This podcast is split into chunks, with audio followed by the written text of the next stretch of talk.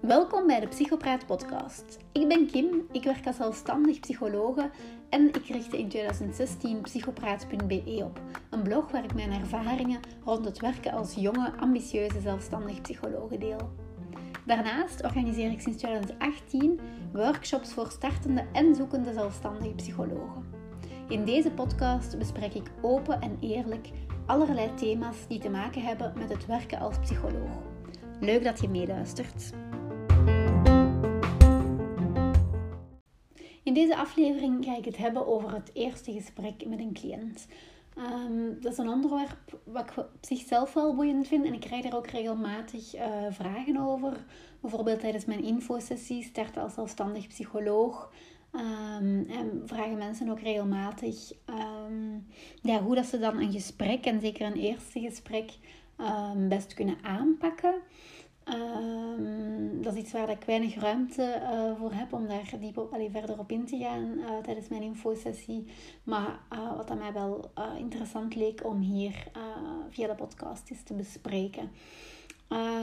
Het is iets waar ik zelf ook lang in gezocht heb. Um, hoe dat ik dat best kan aanpakken, zo'n eerste gesprek. En uh, ben daar nog steeds af en toe zoekende in. Um, ik probeer ook af en toe nog eens iets anders. Uh, of, of, of, iets nieuws. Of ik denk aan iets anders. En dan doe ik het... Ja, doe ik iets anders tijdens zo'n eerste gesprek. Um, en ik merk wel dat ik daar toch doorheen de afgelopen jaren... Dat ik ondertussen werk als zelfstandig psycholoog... toch al heel wat in gegroeid ben... Um, en dus in deze podcast wil ik jullie graag een beetje inspiratie geven uh, vanuit mijn eigen ervaringen en vanuit wat ik belangrijk vind uh, tijdens een eerste gesprek. Um, en ik ben natuurlijk ook heel benieuwd naar hoe jullie het aanpakken. Uh, dus dat mogen jullie mij ook altijd zeker laten weten.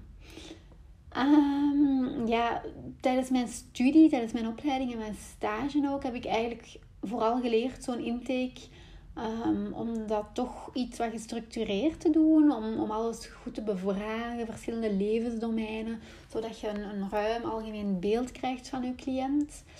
Um, maar ik merkte uh, dat, ja, vanaf dat ik gestart ben als zelfstandige, dat ik dat eigenlijk wel wat losgelaten heb.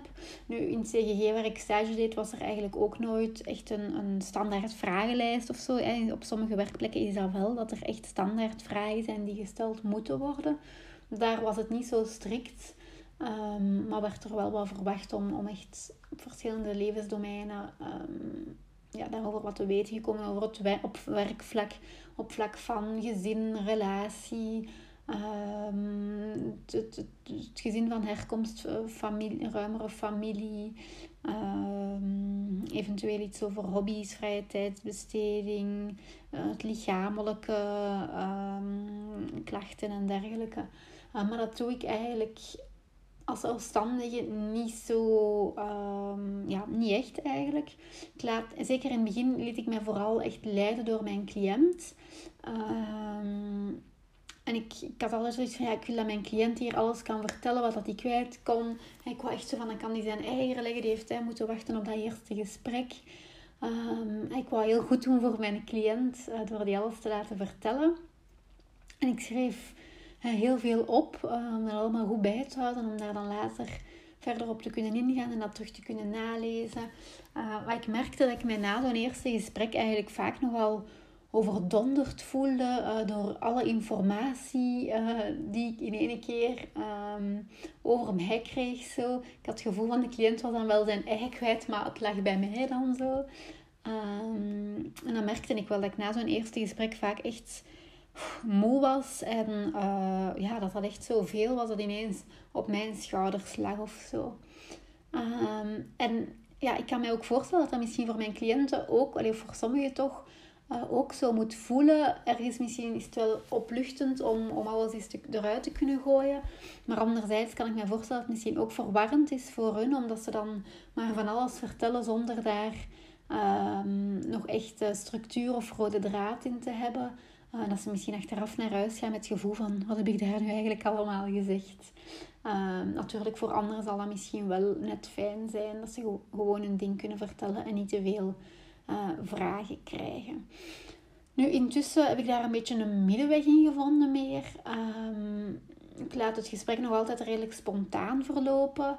Ehm, ik heb geen vragenlijstje of zo met vragen die ik echt uh, per se wil stellen. En ik vertrouw er wel op en ik ga ervan uit dat mijn cliënt wel hetgeen zal brengen dat hij of zij belangrijk vindt op dat moment. Uh, en waar dat hij of zij ook klaar voor is op dat moment. Want ik vind het ook normaal dat cliënten tijdens zo'n eerste gesprek niet altijd um, direct hun, hun uh, diepste verlangens en geheimen of um, ja, lastige dingen gaan vertellen. Um, dat ze eerst nog wat vertrouwen en een band willen opbouwen. Dus dat hoeft voor mij ook niet. En ik, ik, ik, ga, ik ga hun dan ook niet beginnen uitvragen over, over allerlei dingen. Um, wat ik denk dat dat, niet, zeker niet uh, te vaak gebeurt in intakes. Maar toch, hè, zo, ik heb zoiets van oké, zij weten waarom dat ze hier zijn, wat dat hun hier brengt. En ik vertrouw erop dat zij mij op dit moment gaan vertellen wat zij op dit moment belangrijk vinden. En wat dat zij willen dat ik op dit moment al weet. Um, en dat geeft mij ook zo wel wat rust. Van ik hoef dan um, niet zo veel te doen. In de zin van, ja, ik moet wel veel doen, want daar kom ik straks op terug. Maar ik hoef geen... Um, ik hoef niet alles te weten, zo van de eerste keer. En ik stel natuurlijk wel verbredende en verdiepende vragen. Ik probeer ook goed te begrijpen wat dat de cliënt vertelt. Um, en ik ga daar wel op in, zodat het wel wat een dialoog wordt natuurlijk. Maar um, ik vertrek niet vanuit mijn eigen vragen of dingen die ik belangrijk vind om te weten. Het enige eigenlijk wat ik wel altijd echt vraag, um, is zo wat hun verwachtingen zijn en wat dat hun hulpvraag is, waar dat ze op hopen, um, ja, waarover dat ze de gesprekken willen laten gaan en, en, en op, op welke manier dat ze denken en hopen dat ik hun daarmee kan helpen en, en wat dat hetgene zou zijn waarmee dat ze geholpen zijn, hè, hoe dat ze Um, ik vraag niet echt naar een doel, want dat, vind ik vaak zo groot um, en zwaar soms al klinken. Dat vinden mensen ook soms moeilijk. Um, maar zo van, ja, wat zouden we willen bereiken, vind ik ook al... Het woord bereiken vind ik ook zo soms al wat te groot. Zo, maar ja, wat verwacht hier? Wat hoopte hier te kunnen vinden? dat, zijn zo, dat is wel zoiets wat ik altijd wel vraag tijdens een eerste gesprek probeer daar wat duidelijkheid, probeer de cliënt ook wat te helpen om daar duidelijkheid over te krijgen. Um, maar um, soms ja, is dat nog niet zo duidelijk voor de cliënt en, en wordt dat ook nog niet zo duidelijk tijdens dat eerste gesprek, maar dan is dat ook oké. Uh, dan vind ik, we hebben nog wel, uh, meestal komen daarna die nog wel verdere gesprekken en dan hebben we nog wel tijd om dat te ontdekken en dan kom ik daar later nog wel op terug tijdens volgende gesprekken. Soms is een eerste stap of fase in de therapie gewoon al samen met de cliënt ontdekken wat dat eigenlijk zijn hulpvraag is, waar dat hij iets mee wil doen, uh, wat voor verandering dat hij zou willen, um, ja, wat dat hij met de therapie uh, wil bereiken of wat dat hij daar, daarvan verwacht. Dus dat hoeft niet per se in het eerste gesprek uh, heel duidelijk te zijn als de cliënt daar nog niet, daar nog niet is. Um, verder, uh, ja, ik merk ook zo dat dat een druk is zo bij veel startende psychologen. En ik herken dat zelf ook. Ik had dat in het begin ook heel erg. Zoals er iemand nieuw kwam. Uh, zo van, goh, ja, ik weet eigenlijk niet. Hè. sommige mensen vertellen wel bij de aanmelding aan telefoon of via mail al kort een beetje over een situatie maar soms ook niet. Ehm, en daarmee weten dan vaak nog niet zo heel veel. Uh, dus dat is altijd wel zo wat spannend. Uh, van ja, waar, waar gaat het over? Uh, wat voor iemand gaat er voor mij zitten? Wat verwacht die van mij? Um, en dus veel, ik, ik merk dat veel starters, en ik ook toen ik startte, een beetje de, de, de, schrik zo precies hebben van... oei, ik moet hier na dat één gesprek alles weten, een goed beeld vormen, uh, mijn hypothesen al klaar hebben of zo. Ik weet het niet, maar dat er een bepaalde druk is van um, ja, tijdens dat eerste gesprek al heel veel te moeten weten. Zo alle info al bij elkaar hebben, zodat dan de therapie kan starten of zo. Maar uh, dat is waar ik zelf um, mezelf ook wel redelijk snel van losgemaakt heb. Zo. En, en wat ik zelf ook ervaren heb, zo van dat hoeft eigenlijk niet je hebt tijd en het is geen ramp als je iets belangrijk nog niet weet. Hè. Soms heb ik ook bijvoorbeeld na een gesprek dat het echt over iets bepaald, een bepaald onderwerp of thema heel veel gegaan is. En dat ik dan aan het einde van dat eerste gesprek zoiets heb van ja, eigenlijk woont die persoon nu uh, alleen? Heeft hij een partner of niet? Woont hij nog bij de ouders? Woont hij, met wie woont hij bijvoorbeeld? Zo is die zijn leefsituatie. Of dat ik bijvoorbeeld nog niks weet over de werksituatie. Werkt die persoon? Is die werkloos? Studeert hij? Dat ik daar helemaal niks over weet. Uh, terwijl dat ergens wel belangrijke ja, ding, dingen zijn in de zin van, hè, dat geeft toch wel een beeld en dat zegt toch echt wel iets over het dagelijks leven van, van de cliënt. Zo. Maar dat is op zich niet zo erg. Dat wil zeggen dat er dan op dat moment iets anders belangrijker was. En dan zijn ze daar al verder op ingegaan. Um, en dan komen er nog kansen. Je hebt altijd nog kansen in volgende gesprekken. Hè. Tenzij natuurlijk um, dat, de eerst, dat, de cliënt niet meer terugkomt na het eerste gesprek.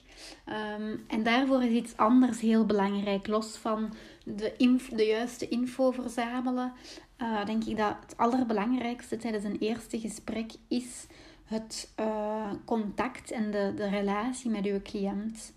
Um, dat dat tijdens een eerste gesprek en ook tijdens de volgende gesprek, maar zeker tijdens een eerste gesprek heel belangrijk is.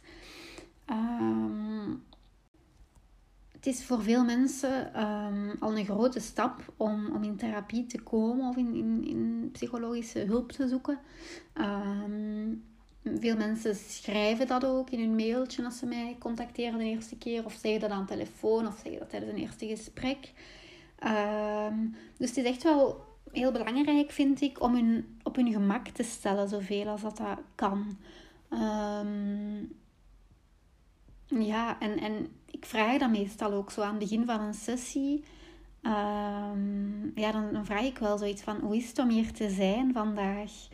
Um, ja, of soms zeg ik van je hebt lang moeten wachten hè, of niet. Of, of ik zeg iets over dat eerste contact van ik, heb, ik heb je mailtje nog eens nagelezen. Hè, of, of ik, uh, ik heb even hè, teruggedacht aan ons eerste gesprek. Of je hebt mij nog niet zoveel. Uh, eerste telefonisch gesprek dan. Allee, korte, kort belmomentje. Hè. Um, maar soms zeg ik ook van ja, je hebt mij nog niet veel verteld. Of ik weet nog niet veel. Maar wat ik dus vaak wel vraag is... Um, hoe is het om hier te zijn? Zo. En dat zij ook de kans krijgen om te zeggen van het is, hier, het is wel spannend. Sommige mensen zeggen dat spontaan, maar anderen durven dat misschien niet zo goed zeggen. En ik, ik ervaar dat zelf ook. Bijvoorbeeld als ik een infosessie moet geven en ik heb bij het begin wat stress, dan merk ik dat dat mij helpt om te kunnen zeggen van oh, ik vind het wel elke keer terug spannend of ik vind het wel spannend hier om voor jullie allemaal te spreken. En door dat te kunnen uitspreken, zakt die spanning meestal al een beetje en die stress. Dus voor cliënten uh, denk ik dat dat zeker ook zo werkt als zij dat kunnen zeggen, dat ze het best spannend vinden. Um, dat dat al wat helpt om het te zakken. En dan kan ik daar ook empathisch op reageren, begripvol op reageren. Um, en dan zeg ik, ik zeg bijvoorbeeld vaak dan iets van, uh, ja, je bent, je bent niet de enige. Of er zijn veel mensen die dat, die dat hebben de eerste keer. Um, om het zo'n beetje te, te normaliseren, maar tegelijk om het niet... niet uh, ik ga bijvoorbeeld niet zeggen van, ah, dat is voor niks nodig of zo. Hè, want het is heel goed begrijpelijk uh, dat, ze, dat ze dat best spannend vinden. Um, ik vraag ook soms van, ja, kan ik iets doen? Um, om u wel op uw gemak te stellen. Alhoewel dat soms uh, voor mensen ook wel moeilijk is. Soms zeg ik ook gewoon um, van, ik ga mijn best doen um, om, je op, op, om je op je gemak te stellen. En dan probeer ik meestal ook kort te beginnen met een beetje de, het verloop van het gesprek te schetsen, zodat ze een beetje een idee hebben van wat ze kunnen verwachten. En als ik ook dan even praat, dan kan ondertussen hun spanning uh, soms ook al wat zakken. Um, nu, als ik echt zou merken dat mensen um, op hun ongemak blijven of het heel moeilijk vinden, dan ga ik wel vragen van, kan ik iets doen om je op je gemak te stellen? Heb je graag dat ik uh, even nog wat meer over mezelf vertel? Heb je liever dat ik, u, dat, ik, dat ik u wat vragen stel? Of heb je liever dat ik u even laat en dat je even tijd hebt om, om stil te staan bij wat dat je wilt vertellen? Zo van die dingen ga ik op zoek met mensen. Um, maar dus ja, wat ik, wat ik eerst altijd, allee, eerst uh, dus vaak hè, vraag bij het begin zoals ze binnenkomen. Ik, geef ook water aan mijn cliënten. Uh, dus ik vraag hun bij het begin van wil je graag een beetje water. Ehm, dat helpt soms ook al. dat is gewoon een vriendelijk gebaar ook. En, en als ze dan droge keel hebben of van, de, van de spanning of zo, dat ze eens kunnen drinken. Ehm, en dan we gaan zitten en dan vraag ik hun meestal van hoe is het om hier te zijn? Uh, sommige mensen beginnen dan direct hun, hun verhaal. Sommigen zeggen van uh, het is spannend. Um, en meestal probeer ik dan, maar dat lukt niet altijd. Want beginnen mensen heel snel hun verhaal te vertellen. Dan ga ik daar soms in mee. Soms onderbreek ik hun even. Dus ik heb daar niet zoiets heel standaard voor. Um, maar meestal probeer ik bij het begin van het gesprek zo even te schetsen. Dus hoe het gesprek zo wat gaat verlopen. Dan zeg ik van... Um, ik ga straks beginnen met uh, vooral even naar u te luisteren. Um, we, hebben, we hebben een uurtje tijd vandaag. Um, en dat lijkt vaak lang, zeg ik ook. Uh, dat lijkt vaak lang in het begin voor mensen. Mensen zeggen soms tegen mij van ja, uh, wat, ga ik daar, wat ga ik hier een heel uur moeten komen zeggen? Maar uiteindelijk blijkt dat dat uur meestal heel snel voorbij is. Um, en dat ook niet alles gezegd kan worden tijdens dat uur. Maar hè, dat is ook oké. We hebben normaal gezien, hè, als er nog volgende gesprekken komen, hebben we daar later tijd voor om daar verder op in te gaan. Maar um, ik ga vandaag vooral wat luisteren naar wat dat u hier brengt. En kijk maar wat voor u belangrijk is om te vertellen vandaag. Um, en wat ik vooral ook graag wil horen en wil weten, is uh, wat dat u naar hier brengt en wat dat uw hoop is, wat dat uw verwachting is, uh, wat dat je hier hoopt te kunnen vinden. Zo, dat probeer ik dus altijd zo wat te zeggen in het begin. En dat is het eigenlijk. Ehm, ik stel mezelf eigenlijk, er zijn er veel die dat doen en ik heb daar ook al over gedacht, maar ik heb, ik heb eigenlijk, ja, ik doe dat eigenlijk nooit, mezelf echt voorstellen. Eh, aan de deur, als ze binnenkomen, geef ik meestal een hand en dan zeg ik wel, ik ben Kim. Ehm, dat weten ze normaal gezien wel al, uh, aangezien dat ze zelf een afspraak bij mij gemaakt hebben.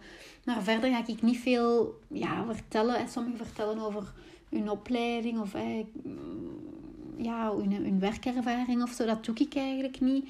Omdat ik ergens zoiets heb van, goh, allee, ik ga ervan uit dat de meeste mensen wel gewoon oké zijn. Ze weten dat ik psycholoog ben en dat die op dat moment niet veel boodschap hebben aan meer info daarover. Ehm, en normaal gezien hebben ze ook op voorhand uh, op mijn website al kunnen kijken uh, waar dat ze eigenlijk alles al hebben kunnen lezen. Dus um, vind ik het niet zo belangrijk om dat nog eens te zeggen. Um,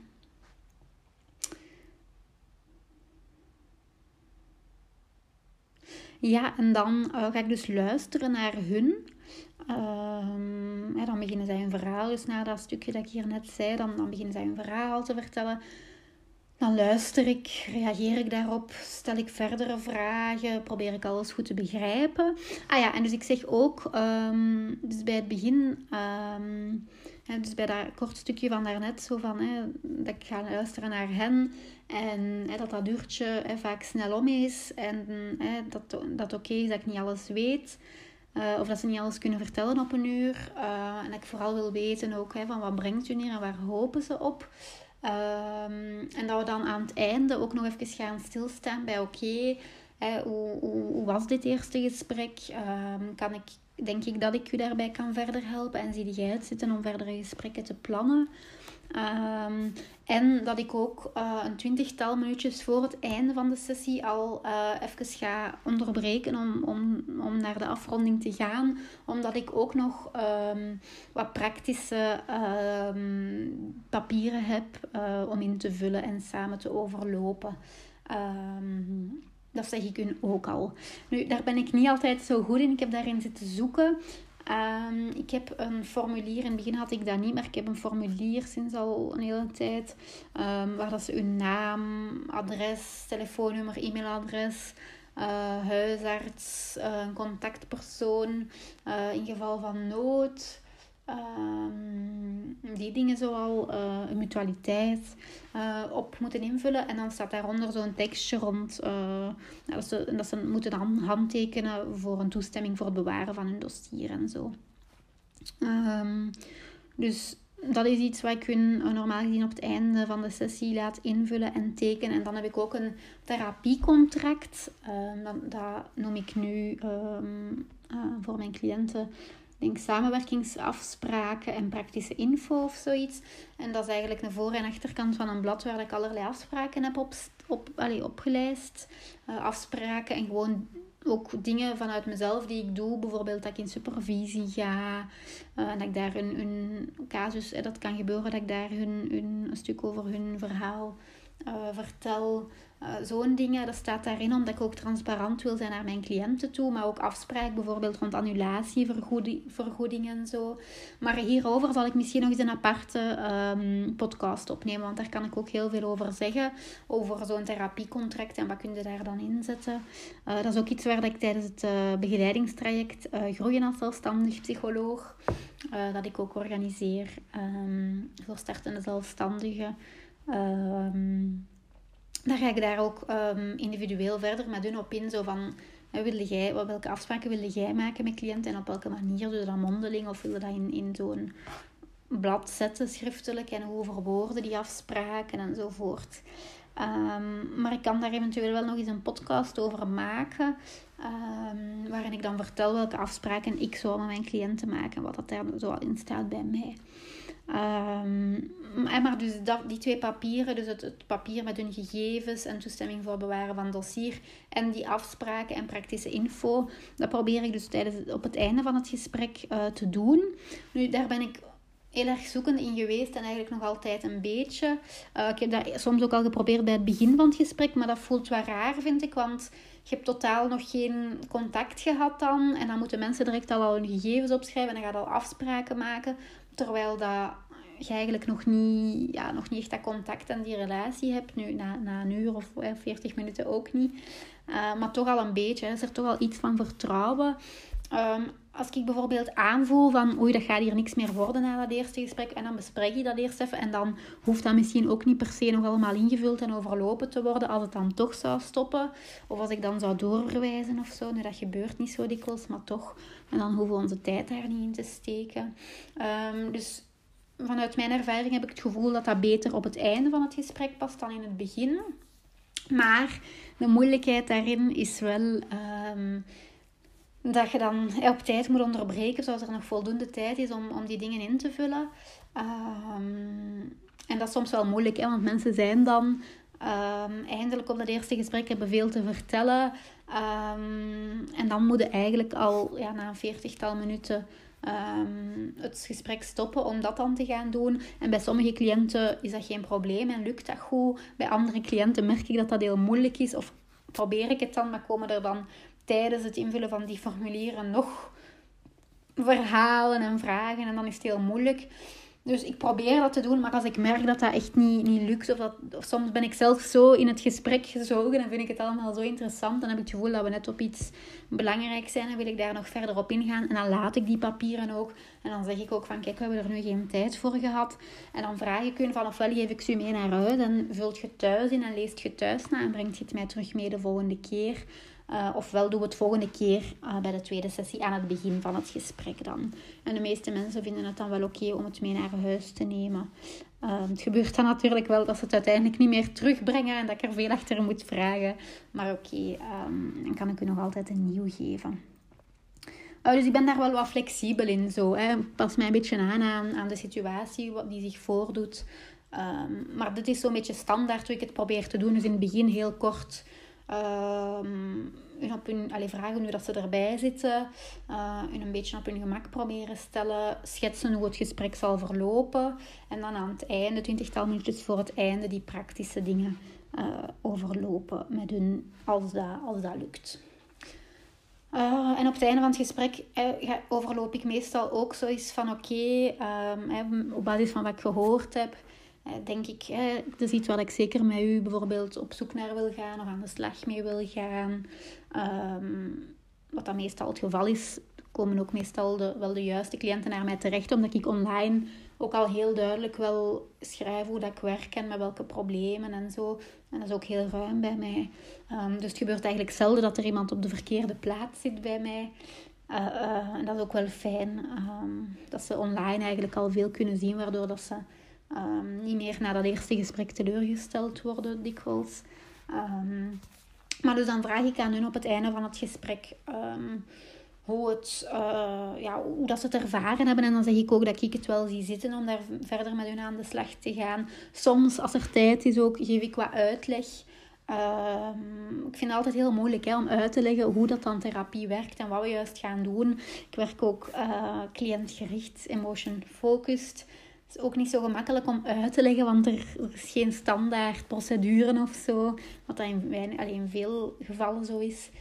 Um, en dat is allemaal moeilijk om, om aan een cliënt uit te leggen zo. Maar ik probeer daar dan wel soms kort al iets over te zeggen. Ofwel kom ik daar een volgende keer op terug bij het tweede gesprek. Zodat cliënten ook wel een beetje een idee hebben. Ik vraag ook wat dat hun beeld is van therapie. Wat zij verwachten. Sommige mensen zeggen vooral praten. Uh, sommige mensen zeggen ik wil graag tips en oefeningen en opdrachten.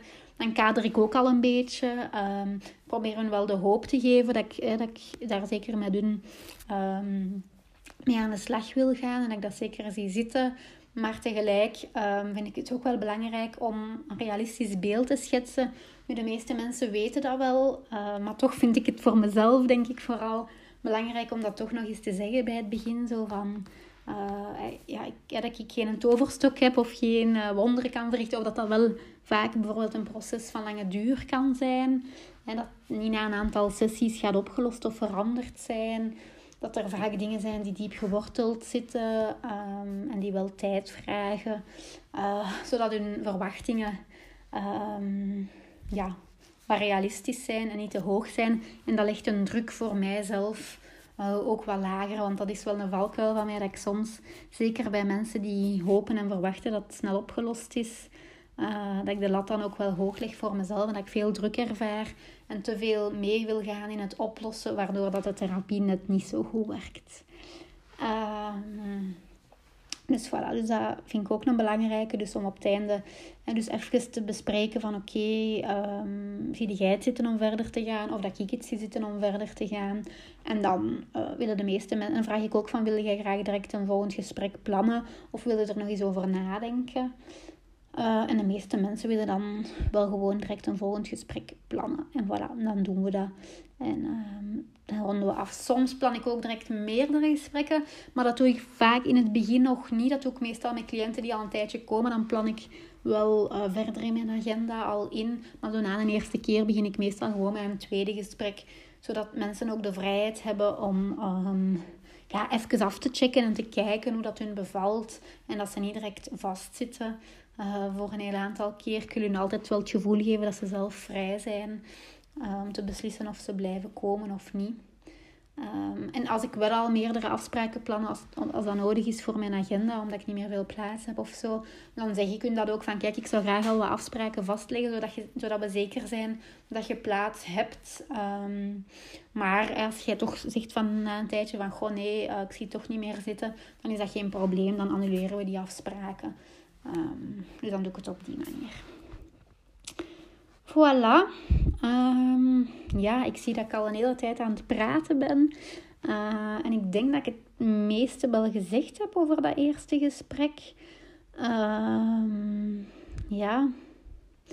Ja, wat voor mij... Ik heb, ik heb er ook een seminarie over gehad in mijn opleiding cliëntgerichte therapie die ik nu gestart ben dit jaar. Een paar weken geleden is er daar ook een, een seminarie over geweest, over het eerste gesprek. Um, en ja, wat dat daar aan bod kwam, zijn ook wel dingen waar ik het hier wel over gehad heb. Um, en wat dat zij ook zo benadrukken, is echt de, de balans tussen het contact en contract. Hè. Contact is dan uw relatie met uw cliënt. En contract zijn de praktische afspraken en uh, overeenstemming over therapiedoelen enzovoort. Um, dus dat daar wel een goede balans tussen is. Dat contact is heel belangrijk in een eerste gesprek. Maar een cliënt uh, vindt het ook meestal wel belangrijk om wat te weten wat dat hij van u kan verwachten. Um, en hoe dat alles in elkaar zit en zo. Dat hij daar ook wat duidelijkheid over heeft. Dus voilà. Uh, ik hoop dat jullie er iets aan gehad hebben. Het is natuurlijk, ieder heeft zijn manier daarin. En ik vind ook dat je vooral moet kijken naar wat dat bij u aansluit als therapeut of psycholoog. Wat dat jij belangrijk vindt. En wat dat ook natuurlijk en spontaan aanvoelt voor jezelf. Uh, dus ieder mag daar gerust zijn manier in hebben. En daar mogen zeker verschillen in zijn, denk ik. Ehm, maar ik geef maar mee hoe ik het aanpak en wat ik belangrijk vind en wat mijn visie daarop is. En wie weet heb je er wel iets aan. Um, ik ben ook benieuwd naar hoe jullie dat aanpakken of wat dat jullie visie daarop is.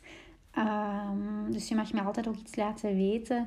In een podcast is moeilijker om te reageren, maar eventueel op Facebook in een reactie of uh, via een mailtje. Mijn mailadres is info.psychopraat.be. Um, via Facebook Messenger een berichtje of wat dan ook. Uh, vind ik altijd wel leuk. Uh, dat er een beetje interactie is en dat het niet alleen maar van mijn kant komt. Um, ja, dat ik, ook, dat ik ook iets van jullie hoor. Zo. Ziezo, ik ga uh, de aflevering van vandaag hier afsluiten. Heel erg bedankt om te luisteren en tot later.